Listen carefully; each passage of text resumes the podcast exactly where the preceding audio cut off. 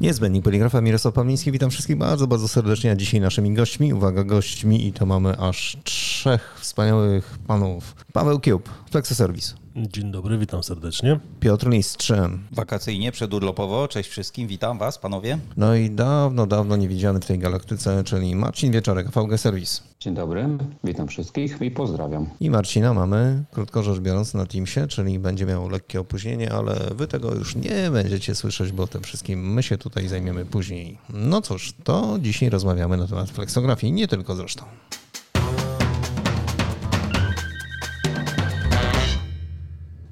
Paweł, zacznę od ciebie. Y, Krótko rzecz biorąc, jak trafiłeś do tej branży? Jak to się wydarzyło? Do branży trafiłem przypadkowo, zupełnie. Kończąc technikum poligraficzne, co nie było przypadkiem, dostałem karteczkę, właściwie moi rodzice dostali karteczkę od pana Wojtka Leska, taka postać y, emerytowana już, ale bardzo znana w świe- w świecie poligrafii, z informacją, że jest taka oto drukarnia fleksograficzna i szuka pracowników. Więc y, więc zgłosiłem się tam, pojechałem na, na spotkanie, zostałem przyjęty, ale tę pracę potraktowałem na zasadzie, e, popracuję miesiąc, po miesiącu pojadę sobie na wakacje, coś tam zarobię może i, i, i pójdę gdzie indziej. No i tak po miesiącu zostałem 26 lat w tej flexografii i jakoś nie mogę pójść y, na wakacje sobie dalej gdzieś tam, gdzie bym chciał, tylko cały czas tutaj się powiązałem, tak jak wydaje mi się, że wiem, miłością, miłością pierwszą, nie wiem czy z wzajemnością, na pewno z mojej strony jest, jest ta miłość do flexografii i została po, dziś- Mar- po dziś dzień. Marcin, a ty? No ja trafiłem z wyboru. Kończyłem poligrafię i takim pierwszym i przyświecającym mi pomysłem było to, żeby zacząć pracę w drukarni, żeby się ubrudzić farbą, bo co to za poligraf, co nigdy nie dotykał maszyny, nigdy nie dotykał farb. Więc e, zacząłem pracować w lokalnej drukarni papieru dekoracyjnego. Nie wiem, czy mówić nazwy, czy nie, jak to tam jest e, product placingiem. W każdym razie mm, lokalnej w Ozorkowie. I stamtąd po kilku zmianach pracy pracowałem na przemian w zakładach płyt i e, w innej drukarni mm, druku dekoracyjnego. A później przestałem pracować na etacie. Stałem się partnerem, przedstawicielem firmy niemieckiej produkującej farby. No i tak to się zaczęło. Dokładałem inne kontakty i nawiązywałem nowe współprace. No i tak do dzisiaj to wygląda. No i popatrzcie, jak historia wygląda u wszystkich, nie, Piotrze? Skazani na sukces, mogę tak powiedzieć i potwierdzić. No dobrze, to panowie odpowiedzcie mi jedną rzecz. Jak to się stało, że wszyscy się poznaliście właśnie w, we flexografii? Kiedy to było? Z Marcinem pamiętam swój pierwszy raz doskonale. Było to w Gdańsku. Z Piotrem było to chyba troszeczkę wcześniej i mamy kilka dat takich, które są. Bo to zależy jak na to patrzeć. Datą, którą przybiliśmy sobie piątkę, to już było jakieś 8 lat temu z Piotrem na pewno, ale tam wtedy gdzieś tam nie było jakichś yy, zażyłości, może yy, wielkich kontaktów. Natomiast później przyszły. Z Marcinem, z Marcinem byliśmy na takim wyjeździe wspólnym z, z kilkoma klientami w Gdańsku i tam spędziliśmy ze sobą trzy dni i, i, i tak zostało. To, nie wiem, to był 2017 rok, Marcin? Jakoś tak, nie? Jakoś tak. Jakoś Listopad, tak. Listopad, przybiliśmy- październik jakoś, nie? To pamiętam, bo to, to Tak, tak, tak. Pierwszą piątkę przybiliśmy na Westerplatte. tak jest, na Westerplatte pod pomnikiem, dokładnie. No to musiało być niezłe wydarzenie. Piotr, potwierdzasz? Nie, wiem, było bo, cię tam. Bo mnie tam nie było. Mm, Potwierdzam, jak gdyby to 8 lat z Pawłem e, przy okazji jakiejś konferencji albo dni otwartych, czy też imprezy filmowej któregoś z dostawców. No nie pamiętam, kiedy to było. A z Marcinem to wydaje mi się, że w jego obecnym mieście rodzinnym, jeśli można tak powiedzieć, chyba przybiliśmy piątaka na pierwszych warsztatach. Dokładnie tak. Też Ten- przez chwilę się zastanawiałem, ale to były pierwsze warsztaty w Łodzi. No to jest facet, który pamiętam, że przyjechał na warsztaty, pogadaliśmy, potem mnie zaprosił, uczy, mm, użyczył, poczęstował fajną, smaczną kawą i opowiedział swoją historię życia. Yy, I jako jeden z nielicznych mówi, ja ci pomogę z przyjemnością. No i tak korzystam z niego, jak tylko mogę. No to cudownie.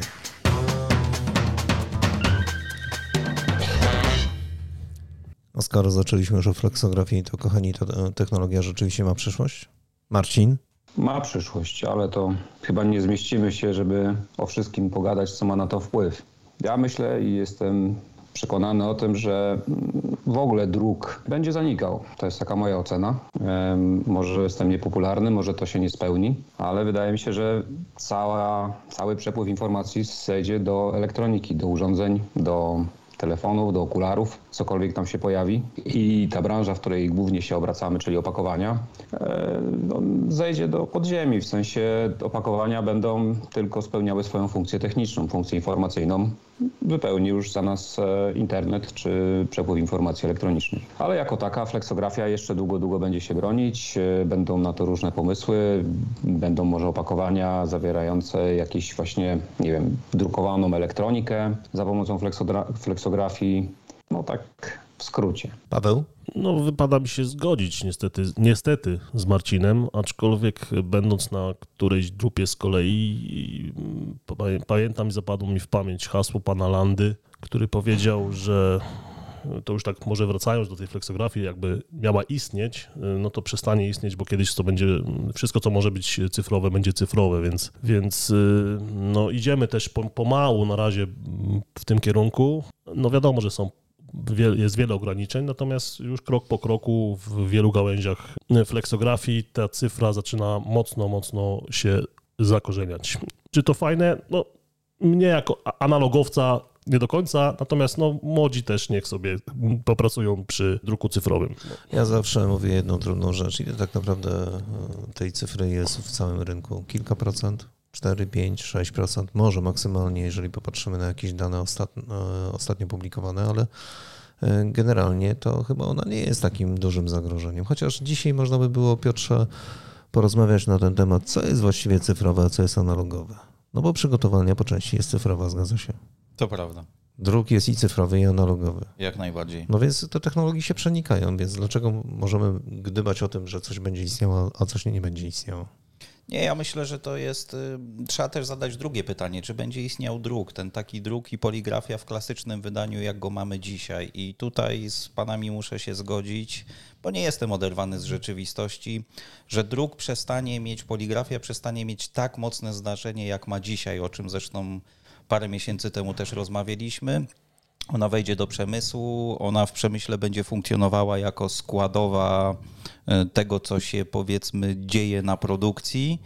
Mm, no musimy się, a oczywiście transfer na technologię cyfrową to się dzieje. To jest kwestia czasu. To analogowy druk w pewnym momencie zostanie zastąpiony przez druk cyfrowy, druk na żądanie albo druk pod potrzeby tu i teraz, a nie na zaś. Jeżeli sobie wyobrazimy, że wszystkich zakupów będziemy dokonywać e, w internecie, to bez sensu będą wtedy funkcjonować e, sklepy analogowe albo staną się one ekskluzywne. Tak jak dzisiaj te bardzo drogie marki samochodów czy też e, biżuterii. I naszymi gośćmi dzisiaj Marcin Wieczorek, Paweł Kiełb i Piotr Lis.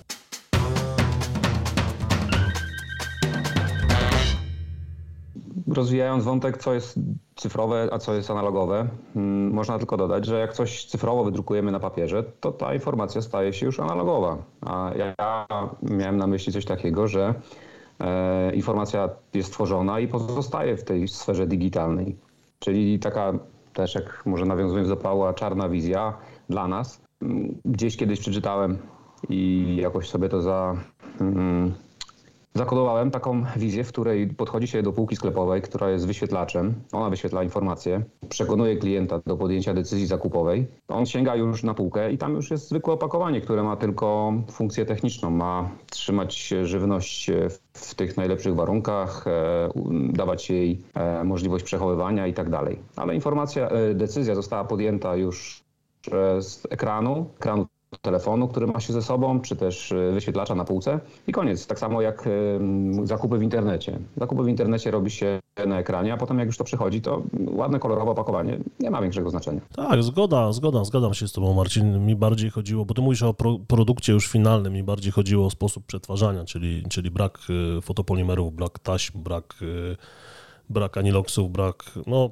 po prostu jest tu, w tym momencie cyfrowe, tak? To bardziej no, to mi chodziło. Sam, samo, samo, ja to się zastanawiam, czy, ta, czy, ta druk, czy to drukowanie cyfrowe się rozwinie, zanim technologie nie pójdą dalej. Czyli jakby kiedyś podejście było de facto analogowe. Myśleliśmy, że w sposób cyfrowy to już jest będzie, jak pominiemy te wszystkie elementy, czyli te formy drukowe, mm, nie wiem, farby mieszane w wiaderku przy maszynie i tak dalej.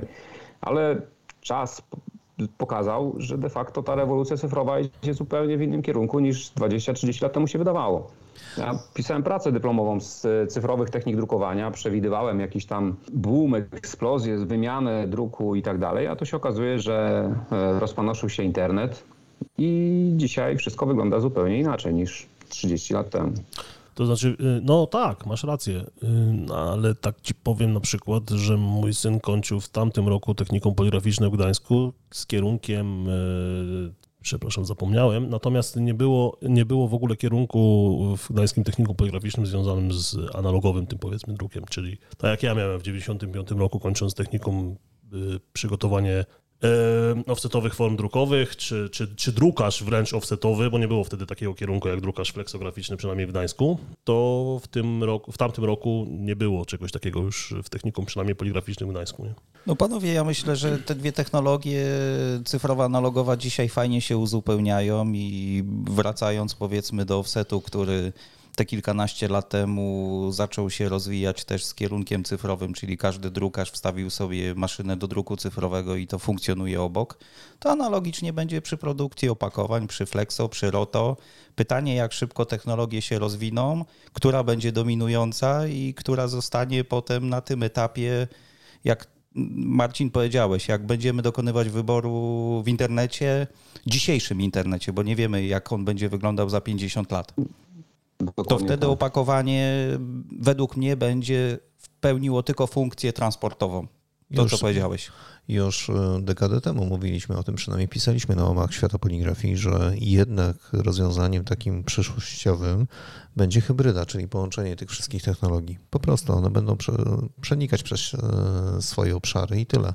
I to się rozwija, akurat ta technologia się rozwija. Tak, ale dopiero teraz. Tak, tak, tak. tak. Pamiętacie ten wielki boom e, Drupa 2000? Wszyscy, och Boże, cyfrowo w ogóle. Nie, no już skończy się cały świat. Już analogowo nie będzie nic. Po czym, no właśnie. Ale chłopaki, ja żyję, ja dalej kupuję książki normalne, wydrukowane, klasyczne, lubię ten zapach papieru, więc u mnie się to nie zmieni. No ale dinozaury też kiedyś wyginęły. E, tak, i, i mnie też kiedyś nie będzie. Masz rację, Marcin. Panowie, dobrze, fleksografia. Bardzo trudna technologia druku. Taka to sama sztuka, jak inna, tylko że mamy mniej wiedzy i mniej ludzi, mm, którzy mają wiedzę wystarczającą. Słyszałeś, co powiedział Marcin? To Słyszałem. jest sztuka. Tak, tak, jakaś sztuka. Według mnie też. Tak. Mniej, mniej ja sobie... stabilny druk na pewno. Ale poligrafia jest sztuką sobie... w ogóle. To jest sztuka zdobienia. Marcin? Tak, tak, tylko że mm, ja mam bardziej na myśli jakby technologię, czyli stabilność, przewidywalność. Czasem sobie żartuję, że nikt nigdy nie widział początku i końca wydruku fleksograficznego, który wygląda tak samo. I tak trochę jest, nie? że jakby godzimy się na jakieś tolerancje, godzimy się na jakieś tam odchyłki. kompromisy, odchyłki, kompromisy, a de facto dużo osób nie, nie wie, co tam się dzieje. Oczywiście to się to postępuje. No, fleksografia w ciągu ostatnich 20 lat rozwinęła się chyba najbardziej ze wszystkich technik. Te wszystkie inne techniki są już takie zamknięte, trochę się tak wydaje czy roto, czy offset, a, a flexografia jest jedyną, jedyną technologią, która się tak bardzo dynamicznie rozwija i wypiera te dwie pozostałe. No ale we flexografii też przecież hybrydowe rozwiązania królują. Nie tak, czarujmy. szczególnie w wąskiej wstędze. Tak, szczególnie w wąskiej wstędze i szczególnie nawet nie, nie, nie, tyle, nie tyle wąska wstęga opakowania, ale wąska wstęga etykiety. Jak najbardziej. To też jak popatrzymy na cały przekrój poligrafii, to to offset też się potężnie rozwinął, tak? To my też, Marcin, patrzymy przez pryzmat tego, czym się zajmujemy, czyli opakowanie etykiety, ale jeżeli zapytasz się kogoś, kto zajmuje się stendami, akcydensem, wizytówki, ulotki, czy też y, książki, no to tam dalej offset króluje i, i, myślę, że długo będzie jeszcze królował, no bo cyfra jest uzupełnieniem, ale nie jest idealnym rozwiązaniem. Tylko pytanie, co się takiego zmieniło technologicznie w offsecie w ostatnich 10 latach? Jakie przełomowe technologie zostały uruchomione czy wdrożone? No, dwa... Bardziej to mam na myśli. Jeżeli no. chodzi o to, to samo, tak? No, technika zamknięta tak naprawdę nic się nie zmienia, a jeżeli chodzi o, o Flexo, no to zmienia się praktycznie coś co, co chwilę, co miesiąc, co roku. Nowe sposoby rastrowania, nowe materiały, maszyny coraz bardziej precyzyjne. Tam w offsecie praktycznie wszyscy są skupieni na wydajności. Tak? Kiedyś maszyny drukowały 10 tysięcy, dzisiaj 20 albo i więcej arkuszy, ale sama technika według mnie no tam znaczy, nie zrobiła jakichś ma, ma, ma, Marcin, Marcin według, mnie, według mnie flexografia też już y, jakby dąży do, do ściany. Ja mówię pod kątem możliwości wytw wytworzenia płyt i liniatury, bo to, to jest gdzieś tam koniec. Nie, nie ma możliwości. No. Za chwilę nie będzie możliwości produkcji Aniloxa w, w liniaturach, y, w liniaturach takich, jak gdzieś tam niektórzy by chcieli, żeby, żeby im wydrukować. No to, to po prostu ja wiem jako, jako gdzieś tam człowiek, który ma gdzieś tam do czynienia z Aniloxami, że niektóre możliwości są już po prostu a wykonalne po prostu technologicznie, e, znaczy inaczej, są wykonalne technologicznie, natomiast y, no, ich przyszłość takich aniloksów to jest gdzieś tam krótka, tak. To skoro już rozmawiamy o jakości, o tym wszystkim, co się dzieje w Flexo, to kochani, jakie są w tej chwili wyzwania, te najważniejsze dla Was? E, z różnych obszarów. Mówimy o klientach, o ekologii, o materiałach, o wszystkim tym, co się dzieje dookoła, jeżeli chodzi o sztukę e, flexografii. Marcin, pierwszy do odpowiedzi. No, wyzwań jest mnóstwo. Pewno jednym z bardzo dużych, które dotyka wszystkich, to jest e, wzrost kosztów produkcji, ograniczenia w dostępności, problemy logistyczne itd., tak itd., tak też wpływające na ceny. Tutaj chyba wszyscy się najbardziej z tym borykamy i trzeba, e, klienci muszą, mają swoich klientów, e, my gdzieś jesteśmy tam po drodze, i, i presja jest na każdego, a, a, koszty rosną i trzeba je na tego końcowego klienta przesuwać. W tym czasie, przynajmniej jakby z mojej perspektywy, to jest jedno z największych wyzwań. Często y, właśnie problemy logistyczne, problemy y, takie kosztowe spychają nawet te takie wydawało się bardzo ważne problemy jak ekologia i tak dalej. Tak, pandemia na przykład zatrzymała bardzo wiele pro, projektów takich e, eko. Każdy cieszył się, że w ogóle może w coś zapakować i, i, i dalej może utrzymać produkcję. E, dzisiaj e, pandemia trochę przycichła, wzrosły czy urosły bardzo problemy właśnie takie związane z kosztami surowców. Paweł? Marcin bardziej skupił się na tym na tym no, faktycznie, co, co, co jest problemem, czyli, czyli koszty. Według mnie gdzieś tam, ponieważ przez większość swojego życia cały czas jeszcze fleksograficznego stałem po drugiej stronie, czyli przy maszynie, y, a później gdzieś tam jako, jako, jako szef produkcji y, w jednej z drukarni poza granicami kraju, to mogę stwierdzić, że technologicznie przepychamy się czasami. Niestety złą, złą robotę czasami robią sami klienci, którzy przychodzą, wymagają, wymagają jakichś niewyobrażalnych y, możliwości. To tutaj pamiętam rozmowę z, z Markiem Schillerem, który kiedyś stopował to wszystko. Mówi, ja drukuję w 33 liniach i mam ich wszystkich gdzieś i nie będę się bawił w, w jakieś 200, 200 linii, bo dla mnie to jest, dla mnie to jest bez sensu i stopował tak naprawdę wszystko. Natomiast wiem, że jest to problem, jest to problem problem e, w, e, w poligrafii, ponieważ są tacy, którzy próbują się za to, za to brać. Ja patrzę później na te aniloksy od drugiej strony, na przykład, bo mówię, chodzi mi bardziej tutaj o, o stronę technologiczną i praktyczną tego wszystkiego, gdzie po prostu jest, są pewne rzeczy nie do zrobienia. No, krótko mówiąc, nie do zrobienia I, i, i dlatego tutaj też e, pod kątem technologicznym wydaje mi się, że dochodzimy do ściany, tak jak już wspomniałem, dochodzimy do ściany jeżeli chodzi o możliwości produkcji. Jeśli będzie Anilox w maszynie, który kiedyś był sercem i zawsze jest sercem, według mnie cały czas, maszyny drukującej, no to, to mamy koniec za chwilę. Czemu? Ponieważ przy tak wysokiej liniaturze płyty liniatura w granicach 500-600 linii na centymetr jest wykonalna, ale taki anilox się prędzej czy później rozsypie.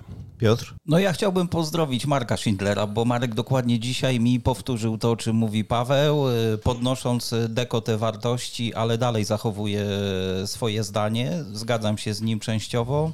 A jakie jest moje zdanie? Trochę dziegciu chciałbym wlać, bo wydaje mi się, że nie mamy zrozumienia ja jako dostawca z, pytam się drukarzy, skąd macie technologię?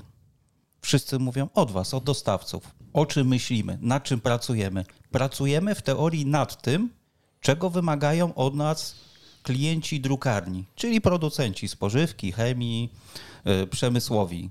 Tylko pytanie, czy ci producenci pytają się mnie jako Kowalskiego, na czym mi zależy. I wielokrotnie okazuje się, że nie, nie pytają mnie, wymagają od drukarni, ale nie stosują rozwiązań, które drukarnia mówi, że są możliwe, możemy je zrealizować, a w momencie, gdy przygotowujemy się do tego, przekazujemy, OK, jesteśmy gotowi jako drukarze, to ci nie chcą korzystać. Czemu? Pracujcie z nami, współpracujcie z nami, nie narzucajcie nam rzeczy, których dzisiaj nie możecie wymagać. Pokażcie w takim razie, że to jest możliwe do zrealizowania, bo czasami to są tylko chęci niepoparte działaniami. A ja mam zupełnie inne zdanie i chciałbym e, poznać wasze. A moje zdanie jest następujące, że niestety, ale brakuje czegoś takiego jak po prostu komunikacji między drukarnią a klientem, między przygotowalnią a drukarnią, między przygotowalnią a klientem. I cały dowcip polega na tym, że wszyscy mówią, wszyscy nadają, ale tego odbiornika nie ma. No po prostu wszyscy działają jak radio. Każdy chce coś od siebie puścić w eter i każdy puszcza w eter. Puszcza wiedzę, technologię, inne rzeczy, tylko nikt tego nie słucha. I to jest chyba największy ból. Czy to nie jest zgoda tak? z mojej strony, pełna zgoda. Natomiast y, tutaj może teraz mi Piotrze dałeś inspirację też, w zasadzie Mirku ty też. Mm, Może warto by było warsztaty, które będziesz organizował, które będziecie organizować, y, zapraszać ludzi, którzy są po drugiej stronie. Może niech posłuchają tego, co tu się, co tu się tak naprawdę technologicznie, o czym się rozmawia. No i potwierdzając, Paweł, ja czekam na tych gości, bo oni za każdym razem są zapraszani. Aha, okej. Ale to też właśnie świadczy o tym, że czasami nie chcą z nas korzystać. I tak, i potwierdzam, Milek, twoje słowa. My się tu produkujemy, gadamy inteligentnie, a ty powiedziałeś to w dwóch zdaniach. Tak, brakuje komunikacji. Skutecznej komunikacji, nie wiem, trójstronnej możemy nazwać. Dostawca, producent, yy, odbiorca. No bo to jest tak, e, drugi Marcinie, że ludzie przychodzą, pytają o różne rzeczy, składają zamówienia i mają oczekiwania. Tylko, że te oczekiwania nijak się nie mają do tego, co jest tak naprawdę możliwe na produkcji. Zgadzasz się? Czasami. Nie mówię, że zawsze, za każdym razem. Czasami. No bo studio graficzne No, sobie wymyśliło jakiś to projekt. funkcjonuje. Jakoś, jakoś to działa, jakoś to funkcjonuje. Codziennie rynek tworzy miliony opakowań, które spełniają oczekiwania tych, którzy je zamawiają. Przepraszam, że skupiam się na opakowaniach, no bo jakoś najbardziej w tym e, obszarze się poruszam.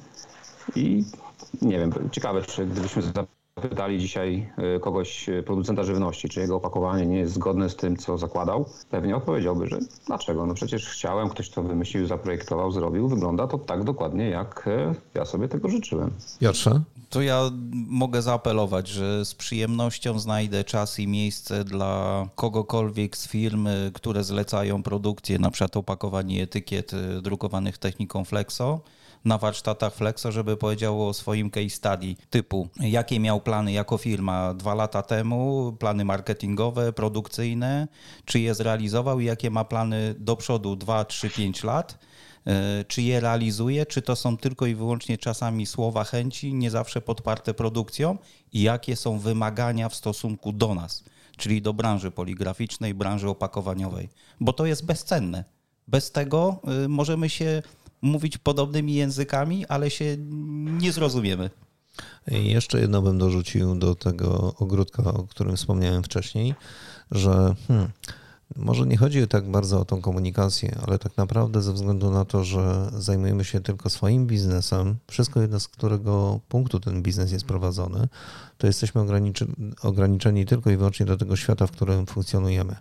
I to jest właśnie to, co jest największą bolączką nie tylko flexografii, ale generalnie poligrafii.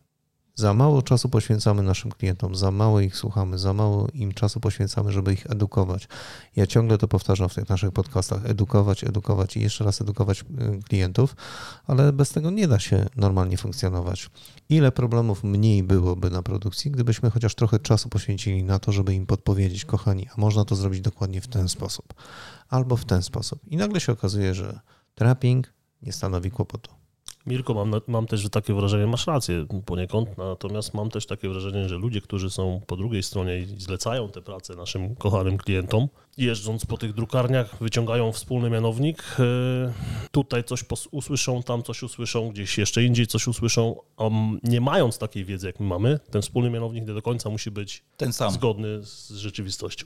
Naprawdę. Marcinie, Bo to trzeba jeszcze wiedzieć, o czym się tak naprawdę mówi. Klienci końcowi zbroją się. Nie wiem, czy wiecie, że coraz częściej posługują się spektrofotometrami. Tak, Czyli tak. ktoś, kto produkuje kiełbasę albo mleko, przyjeżdża, na, e, przyjeżdża lub sprawdza wydruki u siebie, opakowania za pomocą spektrofotometru. Kiedyś, powiedzmy, było to nie do pomyślenia na mm, zatrudniali swoich najemników, grafików, powiedzmy, którzy jeździli na odbiory klientowskie, na tym się to kończyło, a później no to już była jakaś tam ocena wizualna. A teraz profesjonalizuje się to i chyba dążą do tego, żeby dostać to, co chcą. Tak, kiedyś to był Max, y, wzornik Pantona. No tak, tylko wzornik Pantona, Pantona ma gwarancję 6 miesięcy, a, a Tak, ja tak, też tak. znam takich, co przyjeżdżają z wzornikiem pięcioletnim. Z, z, z wyszarpanymi e, stronami.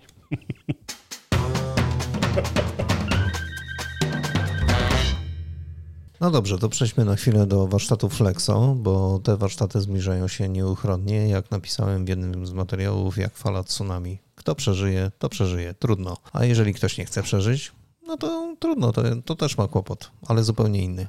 Piotrze, co z warsztatami na dzisiaj? Co się szykuje? No szykuje się bomba, ale o bombie nie będziemy mówili, bo jak ona wybuchnie, to wtedy będzie ciekawiej. I tak jak powiedziałeś, nie będziemy zbierać z gliszczy, tylko będziemy zbierać, e, można powiedzieć, że plony tej bomby, która wybuchła, bo ona w cudzysłowie w pozytywie wybuchnie, a będzie się działo. No, panowie, którzy są dzisiaj tutaj ze mną na nagraniu, też nie wzięli się jak Filip z Konopi znikąd. To są panowie, z którymi wielokrotnie jesteśmy u tych samych klientów, robimy audyty techniczne, działania techniczne i, i Marcin i Paweł podjęli wyzwanie, że robimy, Piotr, chcemy zrobić z tobą warsztaty razem. I serdecznie tu chciałem im podziękować za pomoc. Firma VG Service i firma Flexo Service podjęła wyzwanie bycia partnerem warsztatów. Będą technicznie pomagali, będą odpowiadać na pytania, będą nas pomagać i myślę, że to jest kolejny rozwój tej imprezy, który pokaże, że warto do nas przyjeżdżać. Pawle, to są twoje pierwsze warsztaty? Nie, to są moje chyba teraz trzecie będą warsztaty. Pierwsze pamiętam i zapamiętam e, to warsztaty, które odbyły się w Łodzi i tak naprawdę, so, sorry Piotrze, bez zbędnej kokieterii naprawdę, ale e, zakochałem się w formule tychże warsztatów, ponieważ e, było to zupełnie coś innego i czasami gdzieś tam na innych spotkaniach, często gdzieś tam wychodzimy do kuluarów, słuchamy spotykamy się z różnymi ludźmi na zewnątrz, no wiadomo jak to jest. Tutaj pamiętam, przesiedziałem od deski do deski z przerwą na obiad y, i, powiedziałem, że jeśli dalej będzie to funkcjonowało w tej, w tej formule, to y, jestem w tym całym sobą. Także uważam, że to jest naprawdę, naprawdę świetna, świetna rzecz, którą, którą tutaj Piotr... Nagrało się, pamiętaj, już Tak. nie możesz się wycofać. Nie, nie, no tak czy mówię, z pełną świadomością, bez kokieterii, bez, bez tutaj jakiegoś, y, wiecie czego. No bo w betonowych kaloszach i sklejonym MacGyverem wiesz, że nie można uciekać. Zawsze możesz mnie do motławy wrzucić. To później panowie ustalicie szczegóły. Marcin, no ty? No, też chyba byłem na wszystkich. E, I też pierwsze moje były Łodzi. I też zapamiętałem je bardzo fajnie. To było coś, e, coś zupełnie innego i nowego, świeżego. I dlatego jakoś tam w tym zostałem. Najpierw jako uczestnik, a teraz jako współorganizator czy współpartner. Nie musisz, Marcin, tak skromnie. Naprawdę dużo, dużo dobrego robimy razem, więc liczę też na obecność Twoją, Twoich ludzi po to, żeby czasami na te trudne albo łatwe pytania, żeby ktoś, e, kto jest na sali, ktoś, kto Ciebie był w stanie odpowiedzieć. Taka anegdota, często ją opowiadam, bez nazw, nazwisk i, tak dalej, ale na kolejnych warsztatach miałem, była taka formuła, że wrzucało się do urny pytania. I miałem to szczęście, że moje pytanie zostało wylosowane. Pytanie było chyba trudne, bo nastąpiła e, wymiana kartki między osobami, kto ma na to odpowiedzieć. W końcu trafiło na jednego pana. Poczytał, poczytał, e, odpowiedział coś jakimś takim, nie wiem, rykoszetem, czy jakimś takim nie wprost, bo no, zupełnie to było nie coś. Ja podszedłem do niego później, już nie chciałem jakby robić, no bo to było to takie, no powiedzmy nieprofesjonalne, tak, że ktoś zadaje pytanie sali, no i mm, tak zwany e, specjalista powiedzmy nie bardzo wie, w czym się poruszamy, ja potem mu to wyjaśniłem.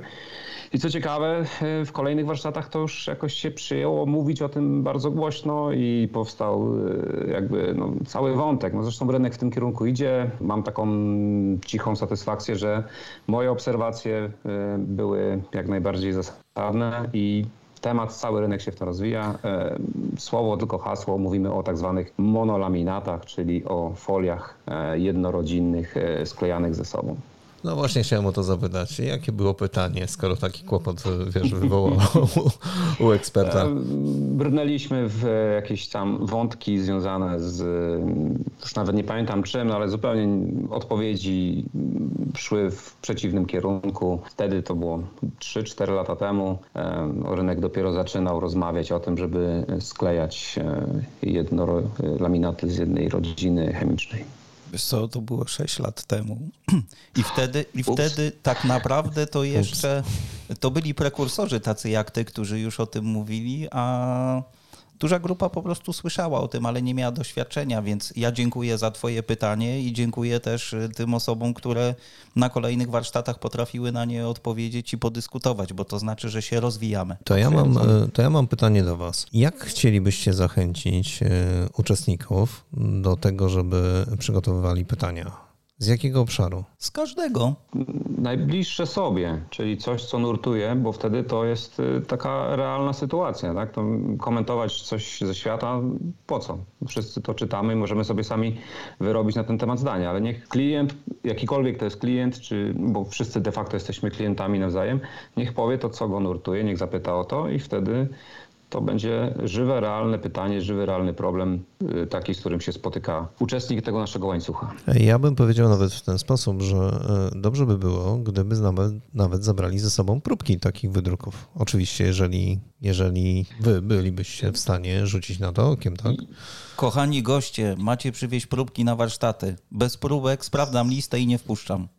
Jeżeli wolno, wolno mi trochę pomarudzić, to mm, trochę jest tak, że na tych warsztatach nie, znaczy chyba trochę mało jest tych takich właśnie warsztatowych rzeczy, tych związanych właśnie z techniką. Trochę są, są takie tematy ogólne. Pamiętam, rozmawialiśmy o różnych ciekawostkach, o spalaniu, na przykład śmieci, o, o jakichś takich rzeczach. No to jest jakiś tam kontekst, nawiązanie do takiej ogólnej sytuacji, ale no warsztaty i próbki to chyba właśnie to tak najbardziej o co chodzi. Ludzie przyjeżdżają po to, żeby spotkać się, zmierzyć się z problemami i wymienić jakieś doświadczenia na ten temat, zaczerpnąć wiedzy, skonsultować to.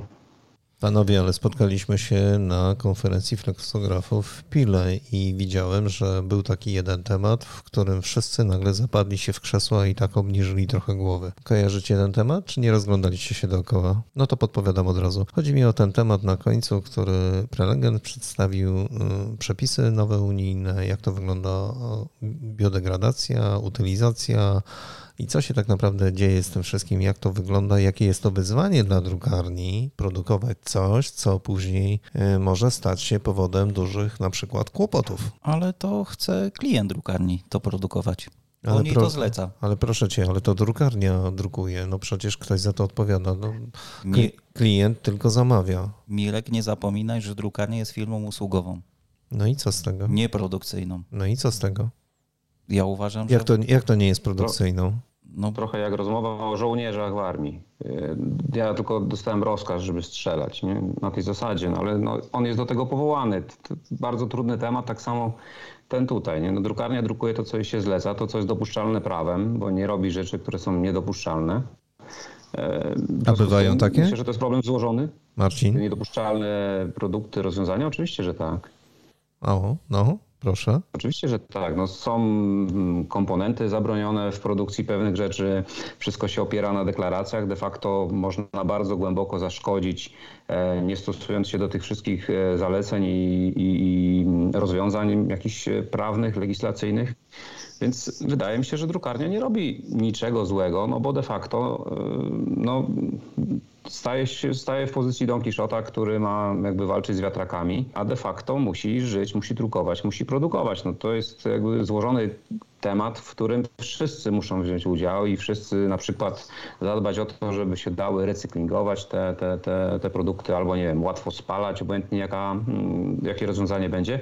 Chciałem tylko na sekundę wrócić do tego, że do tego wątku, który był w pile, że bądźmy gościnni i zostawmy też tematy innym formułom spotkań, tak, że po prostu nie zagarniajmy tego wszystkiego i na warsztatach może skupmy się na warsztatowych rzeczach, czyli ktoś ma problem ze sklejeniem czegoś ze sobą, ktoś ma problem z wydrukowaniem czegoś, z naniesieniem i tak dalej, i tak dalej.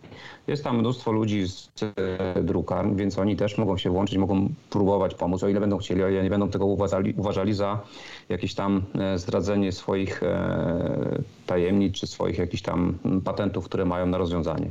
Tak, z know-how no, jest zawsze tak, że każdy no pilnuje wiadomo. tego.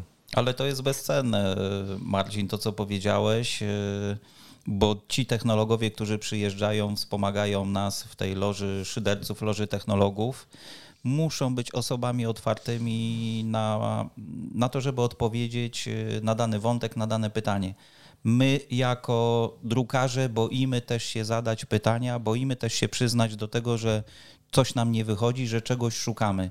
Bez sensu. Ja uważam, słuchaj, głupie, nawet najgłupsze pytanie, najprostsze jest najlepsze, to jest najlepsze miejsce do zadania, bo mamy po drugiej stronie kupę ludzi, którzy to już przeszli, mają doświadczenie i nie będziemy wyważać otwartych drzwi. No dobrze, to mały test. Uwaga. Marcinie, jesteś uczestnikiem tychże warsztatów. Jakie byś dzisiaj zadał pytanie ekspertowi, żeby dowiedzieć się co nieco na dany temat? Nie chciałbym być posądzony, że pytania są tendencyjne. Nie, no eksperyment, proszę. Czy... Pierwszy ty, za moment Paweł. Czy... Nie wiem, nie mam takiego pytania, tak e, jakby przygotowanego. Musisz mi dać czas na zastanowienie się. Paweł? Rozmawiamy trochę o ekologii, natomiast y, my uważam, że jesteśmy daleko, daleko jeszcze w tyle za, za jakimiś konkretnymi rozwiązaniami.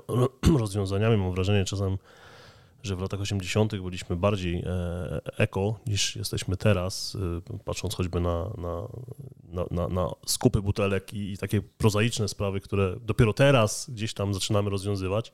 Déjà vu. Nie mając, nie, mając, y, nie mając 30 rodzajów butelek od piwa, które nie są zwrotne, w ogóle tego nigdy nie, nie jestem w stanie tego zrozumieć i dla mnie to jest w ogóle jakiś absurd.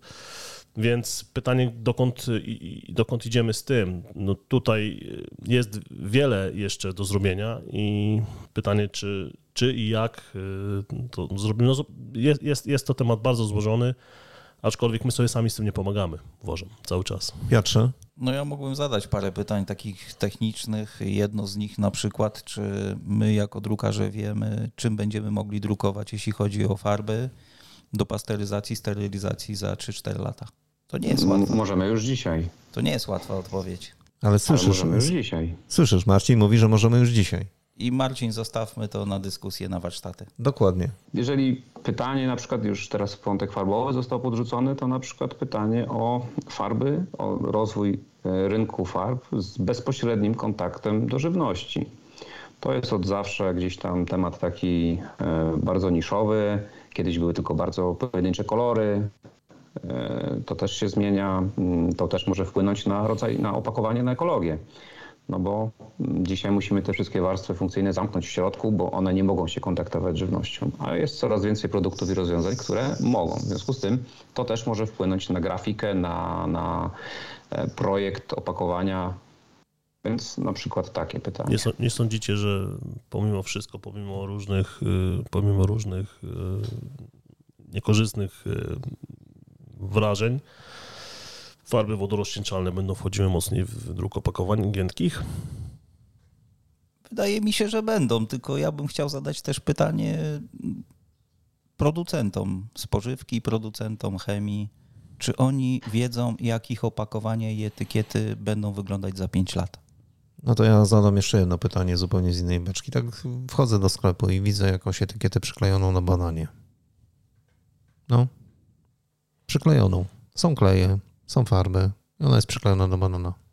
No i co? Albo do jabłka. Albo do jabłka, tak. Pomidora. Pytanie, czy ktoś to sprawdza?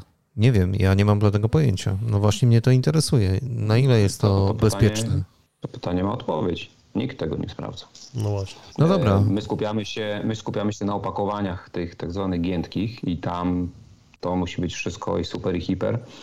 Gdzie no, te migracje przez folię, przez te wszystkie warstwy no, są utrudnione. One są oczywiście, trzeba mieć świadomość, że one są, ale są utrudnione. A w przypadku etykiety naklejonej na e, żywność bezpośrednio, no to jakby nie mówimy o, żadnym, o żadnej barierze, to jest w bezpośrednim kontakcie z żywnością. I myślę, że mało osób myśli o tym, z czego jest zrobiony ten klej, który jest pod etykietą i ta etykieta w ogóle i tak dalej.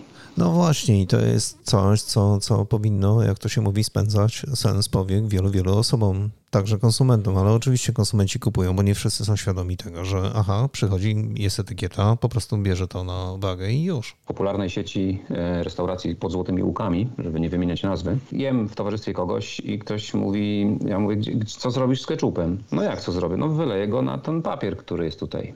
Hmm. Ale przecież ten papier w ogóle to zupełnie nie ma nic wspólnego z żywnością i tak dalej, i tak dalej. No ale ja zawsze tak robię i wszyscy tak robią. Czyli na tą kartkę wydrukowaną offsetowo, farbami olejowymi i tak dalej, i tak dalej, wypuszcza się ketchup i potem macza się w tym frytki. Takie proste, nie? Taka jest świadomość. Dokładnie. Piotrze? Tak, to ja też będąc na spotkaniach e, z producentami, o których wcześniej wspomniałem, zadaję im jedno pytanie. Czy wy macie do wszystkich materiałów, których używacie, niezależnie czy to jest, czy to jest poligrafia, opakowanie etykiety, czy to jest e, jakieś związki chemiczne do czyszczenia, macie licze? Macie informacje o tym, czy substancje, których używacie, nie są zabronione na liście Unii Europejskiej? Najczęściej jest to pytanie retoryczne, bez odpowiedzi. Paweł? No mi na przykład, nie wiem czy mogę o tym mówić. Śmiało. No, może, to się wytnie. Może się wytnie.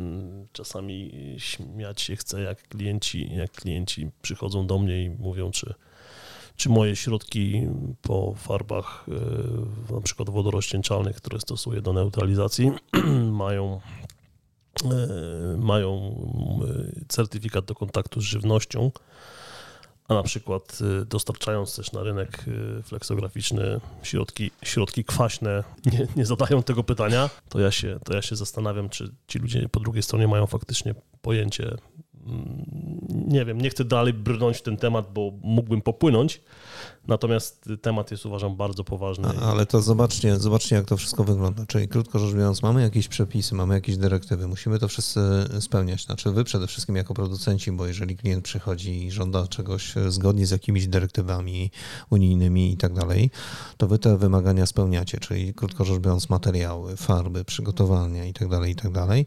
No a ile jest tych producentów na rynku, przepraszam, drukarni na rynku, które korzystają od tak po prostu, bo, bo klient przychodzi, który no, nie wie wielu rzeczy.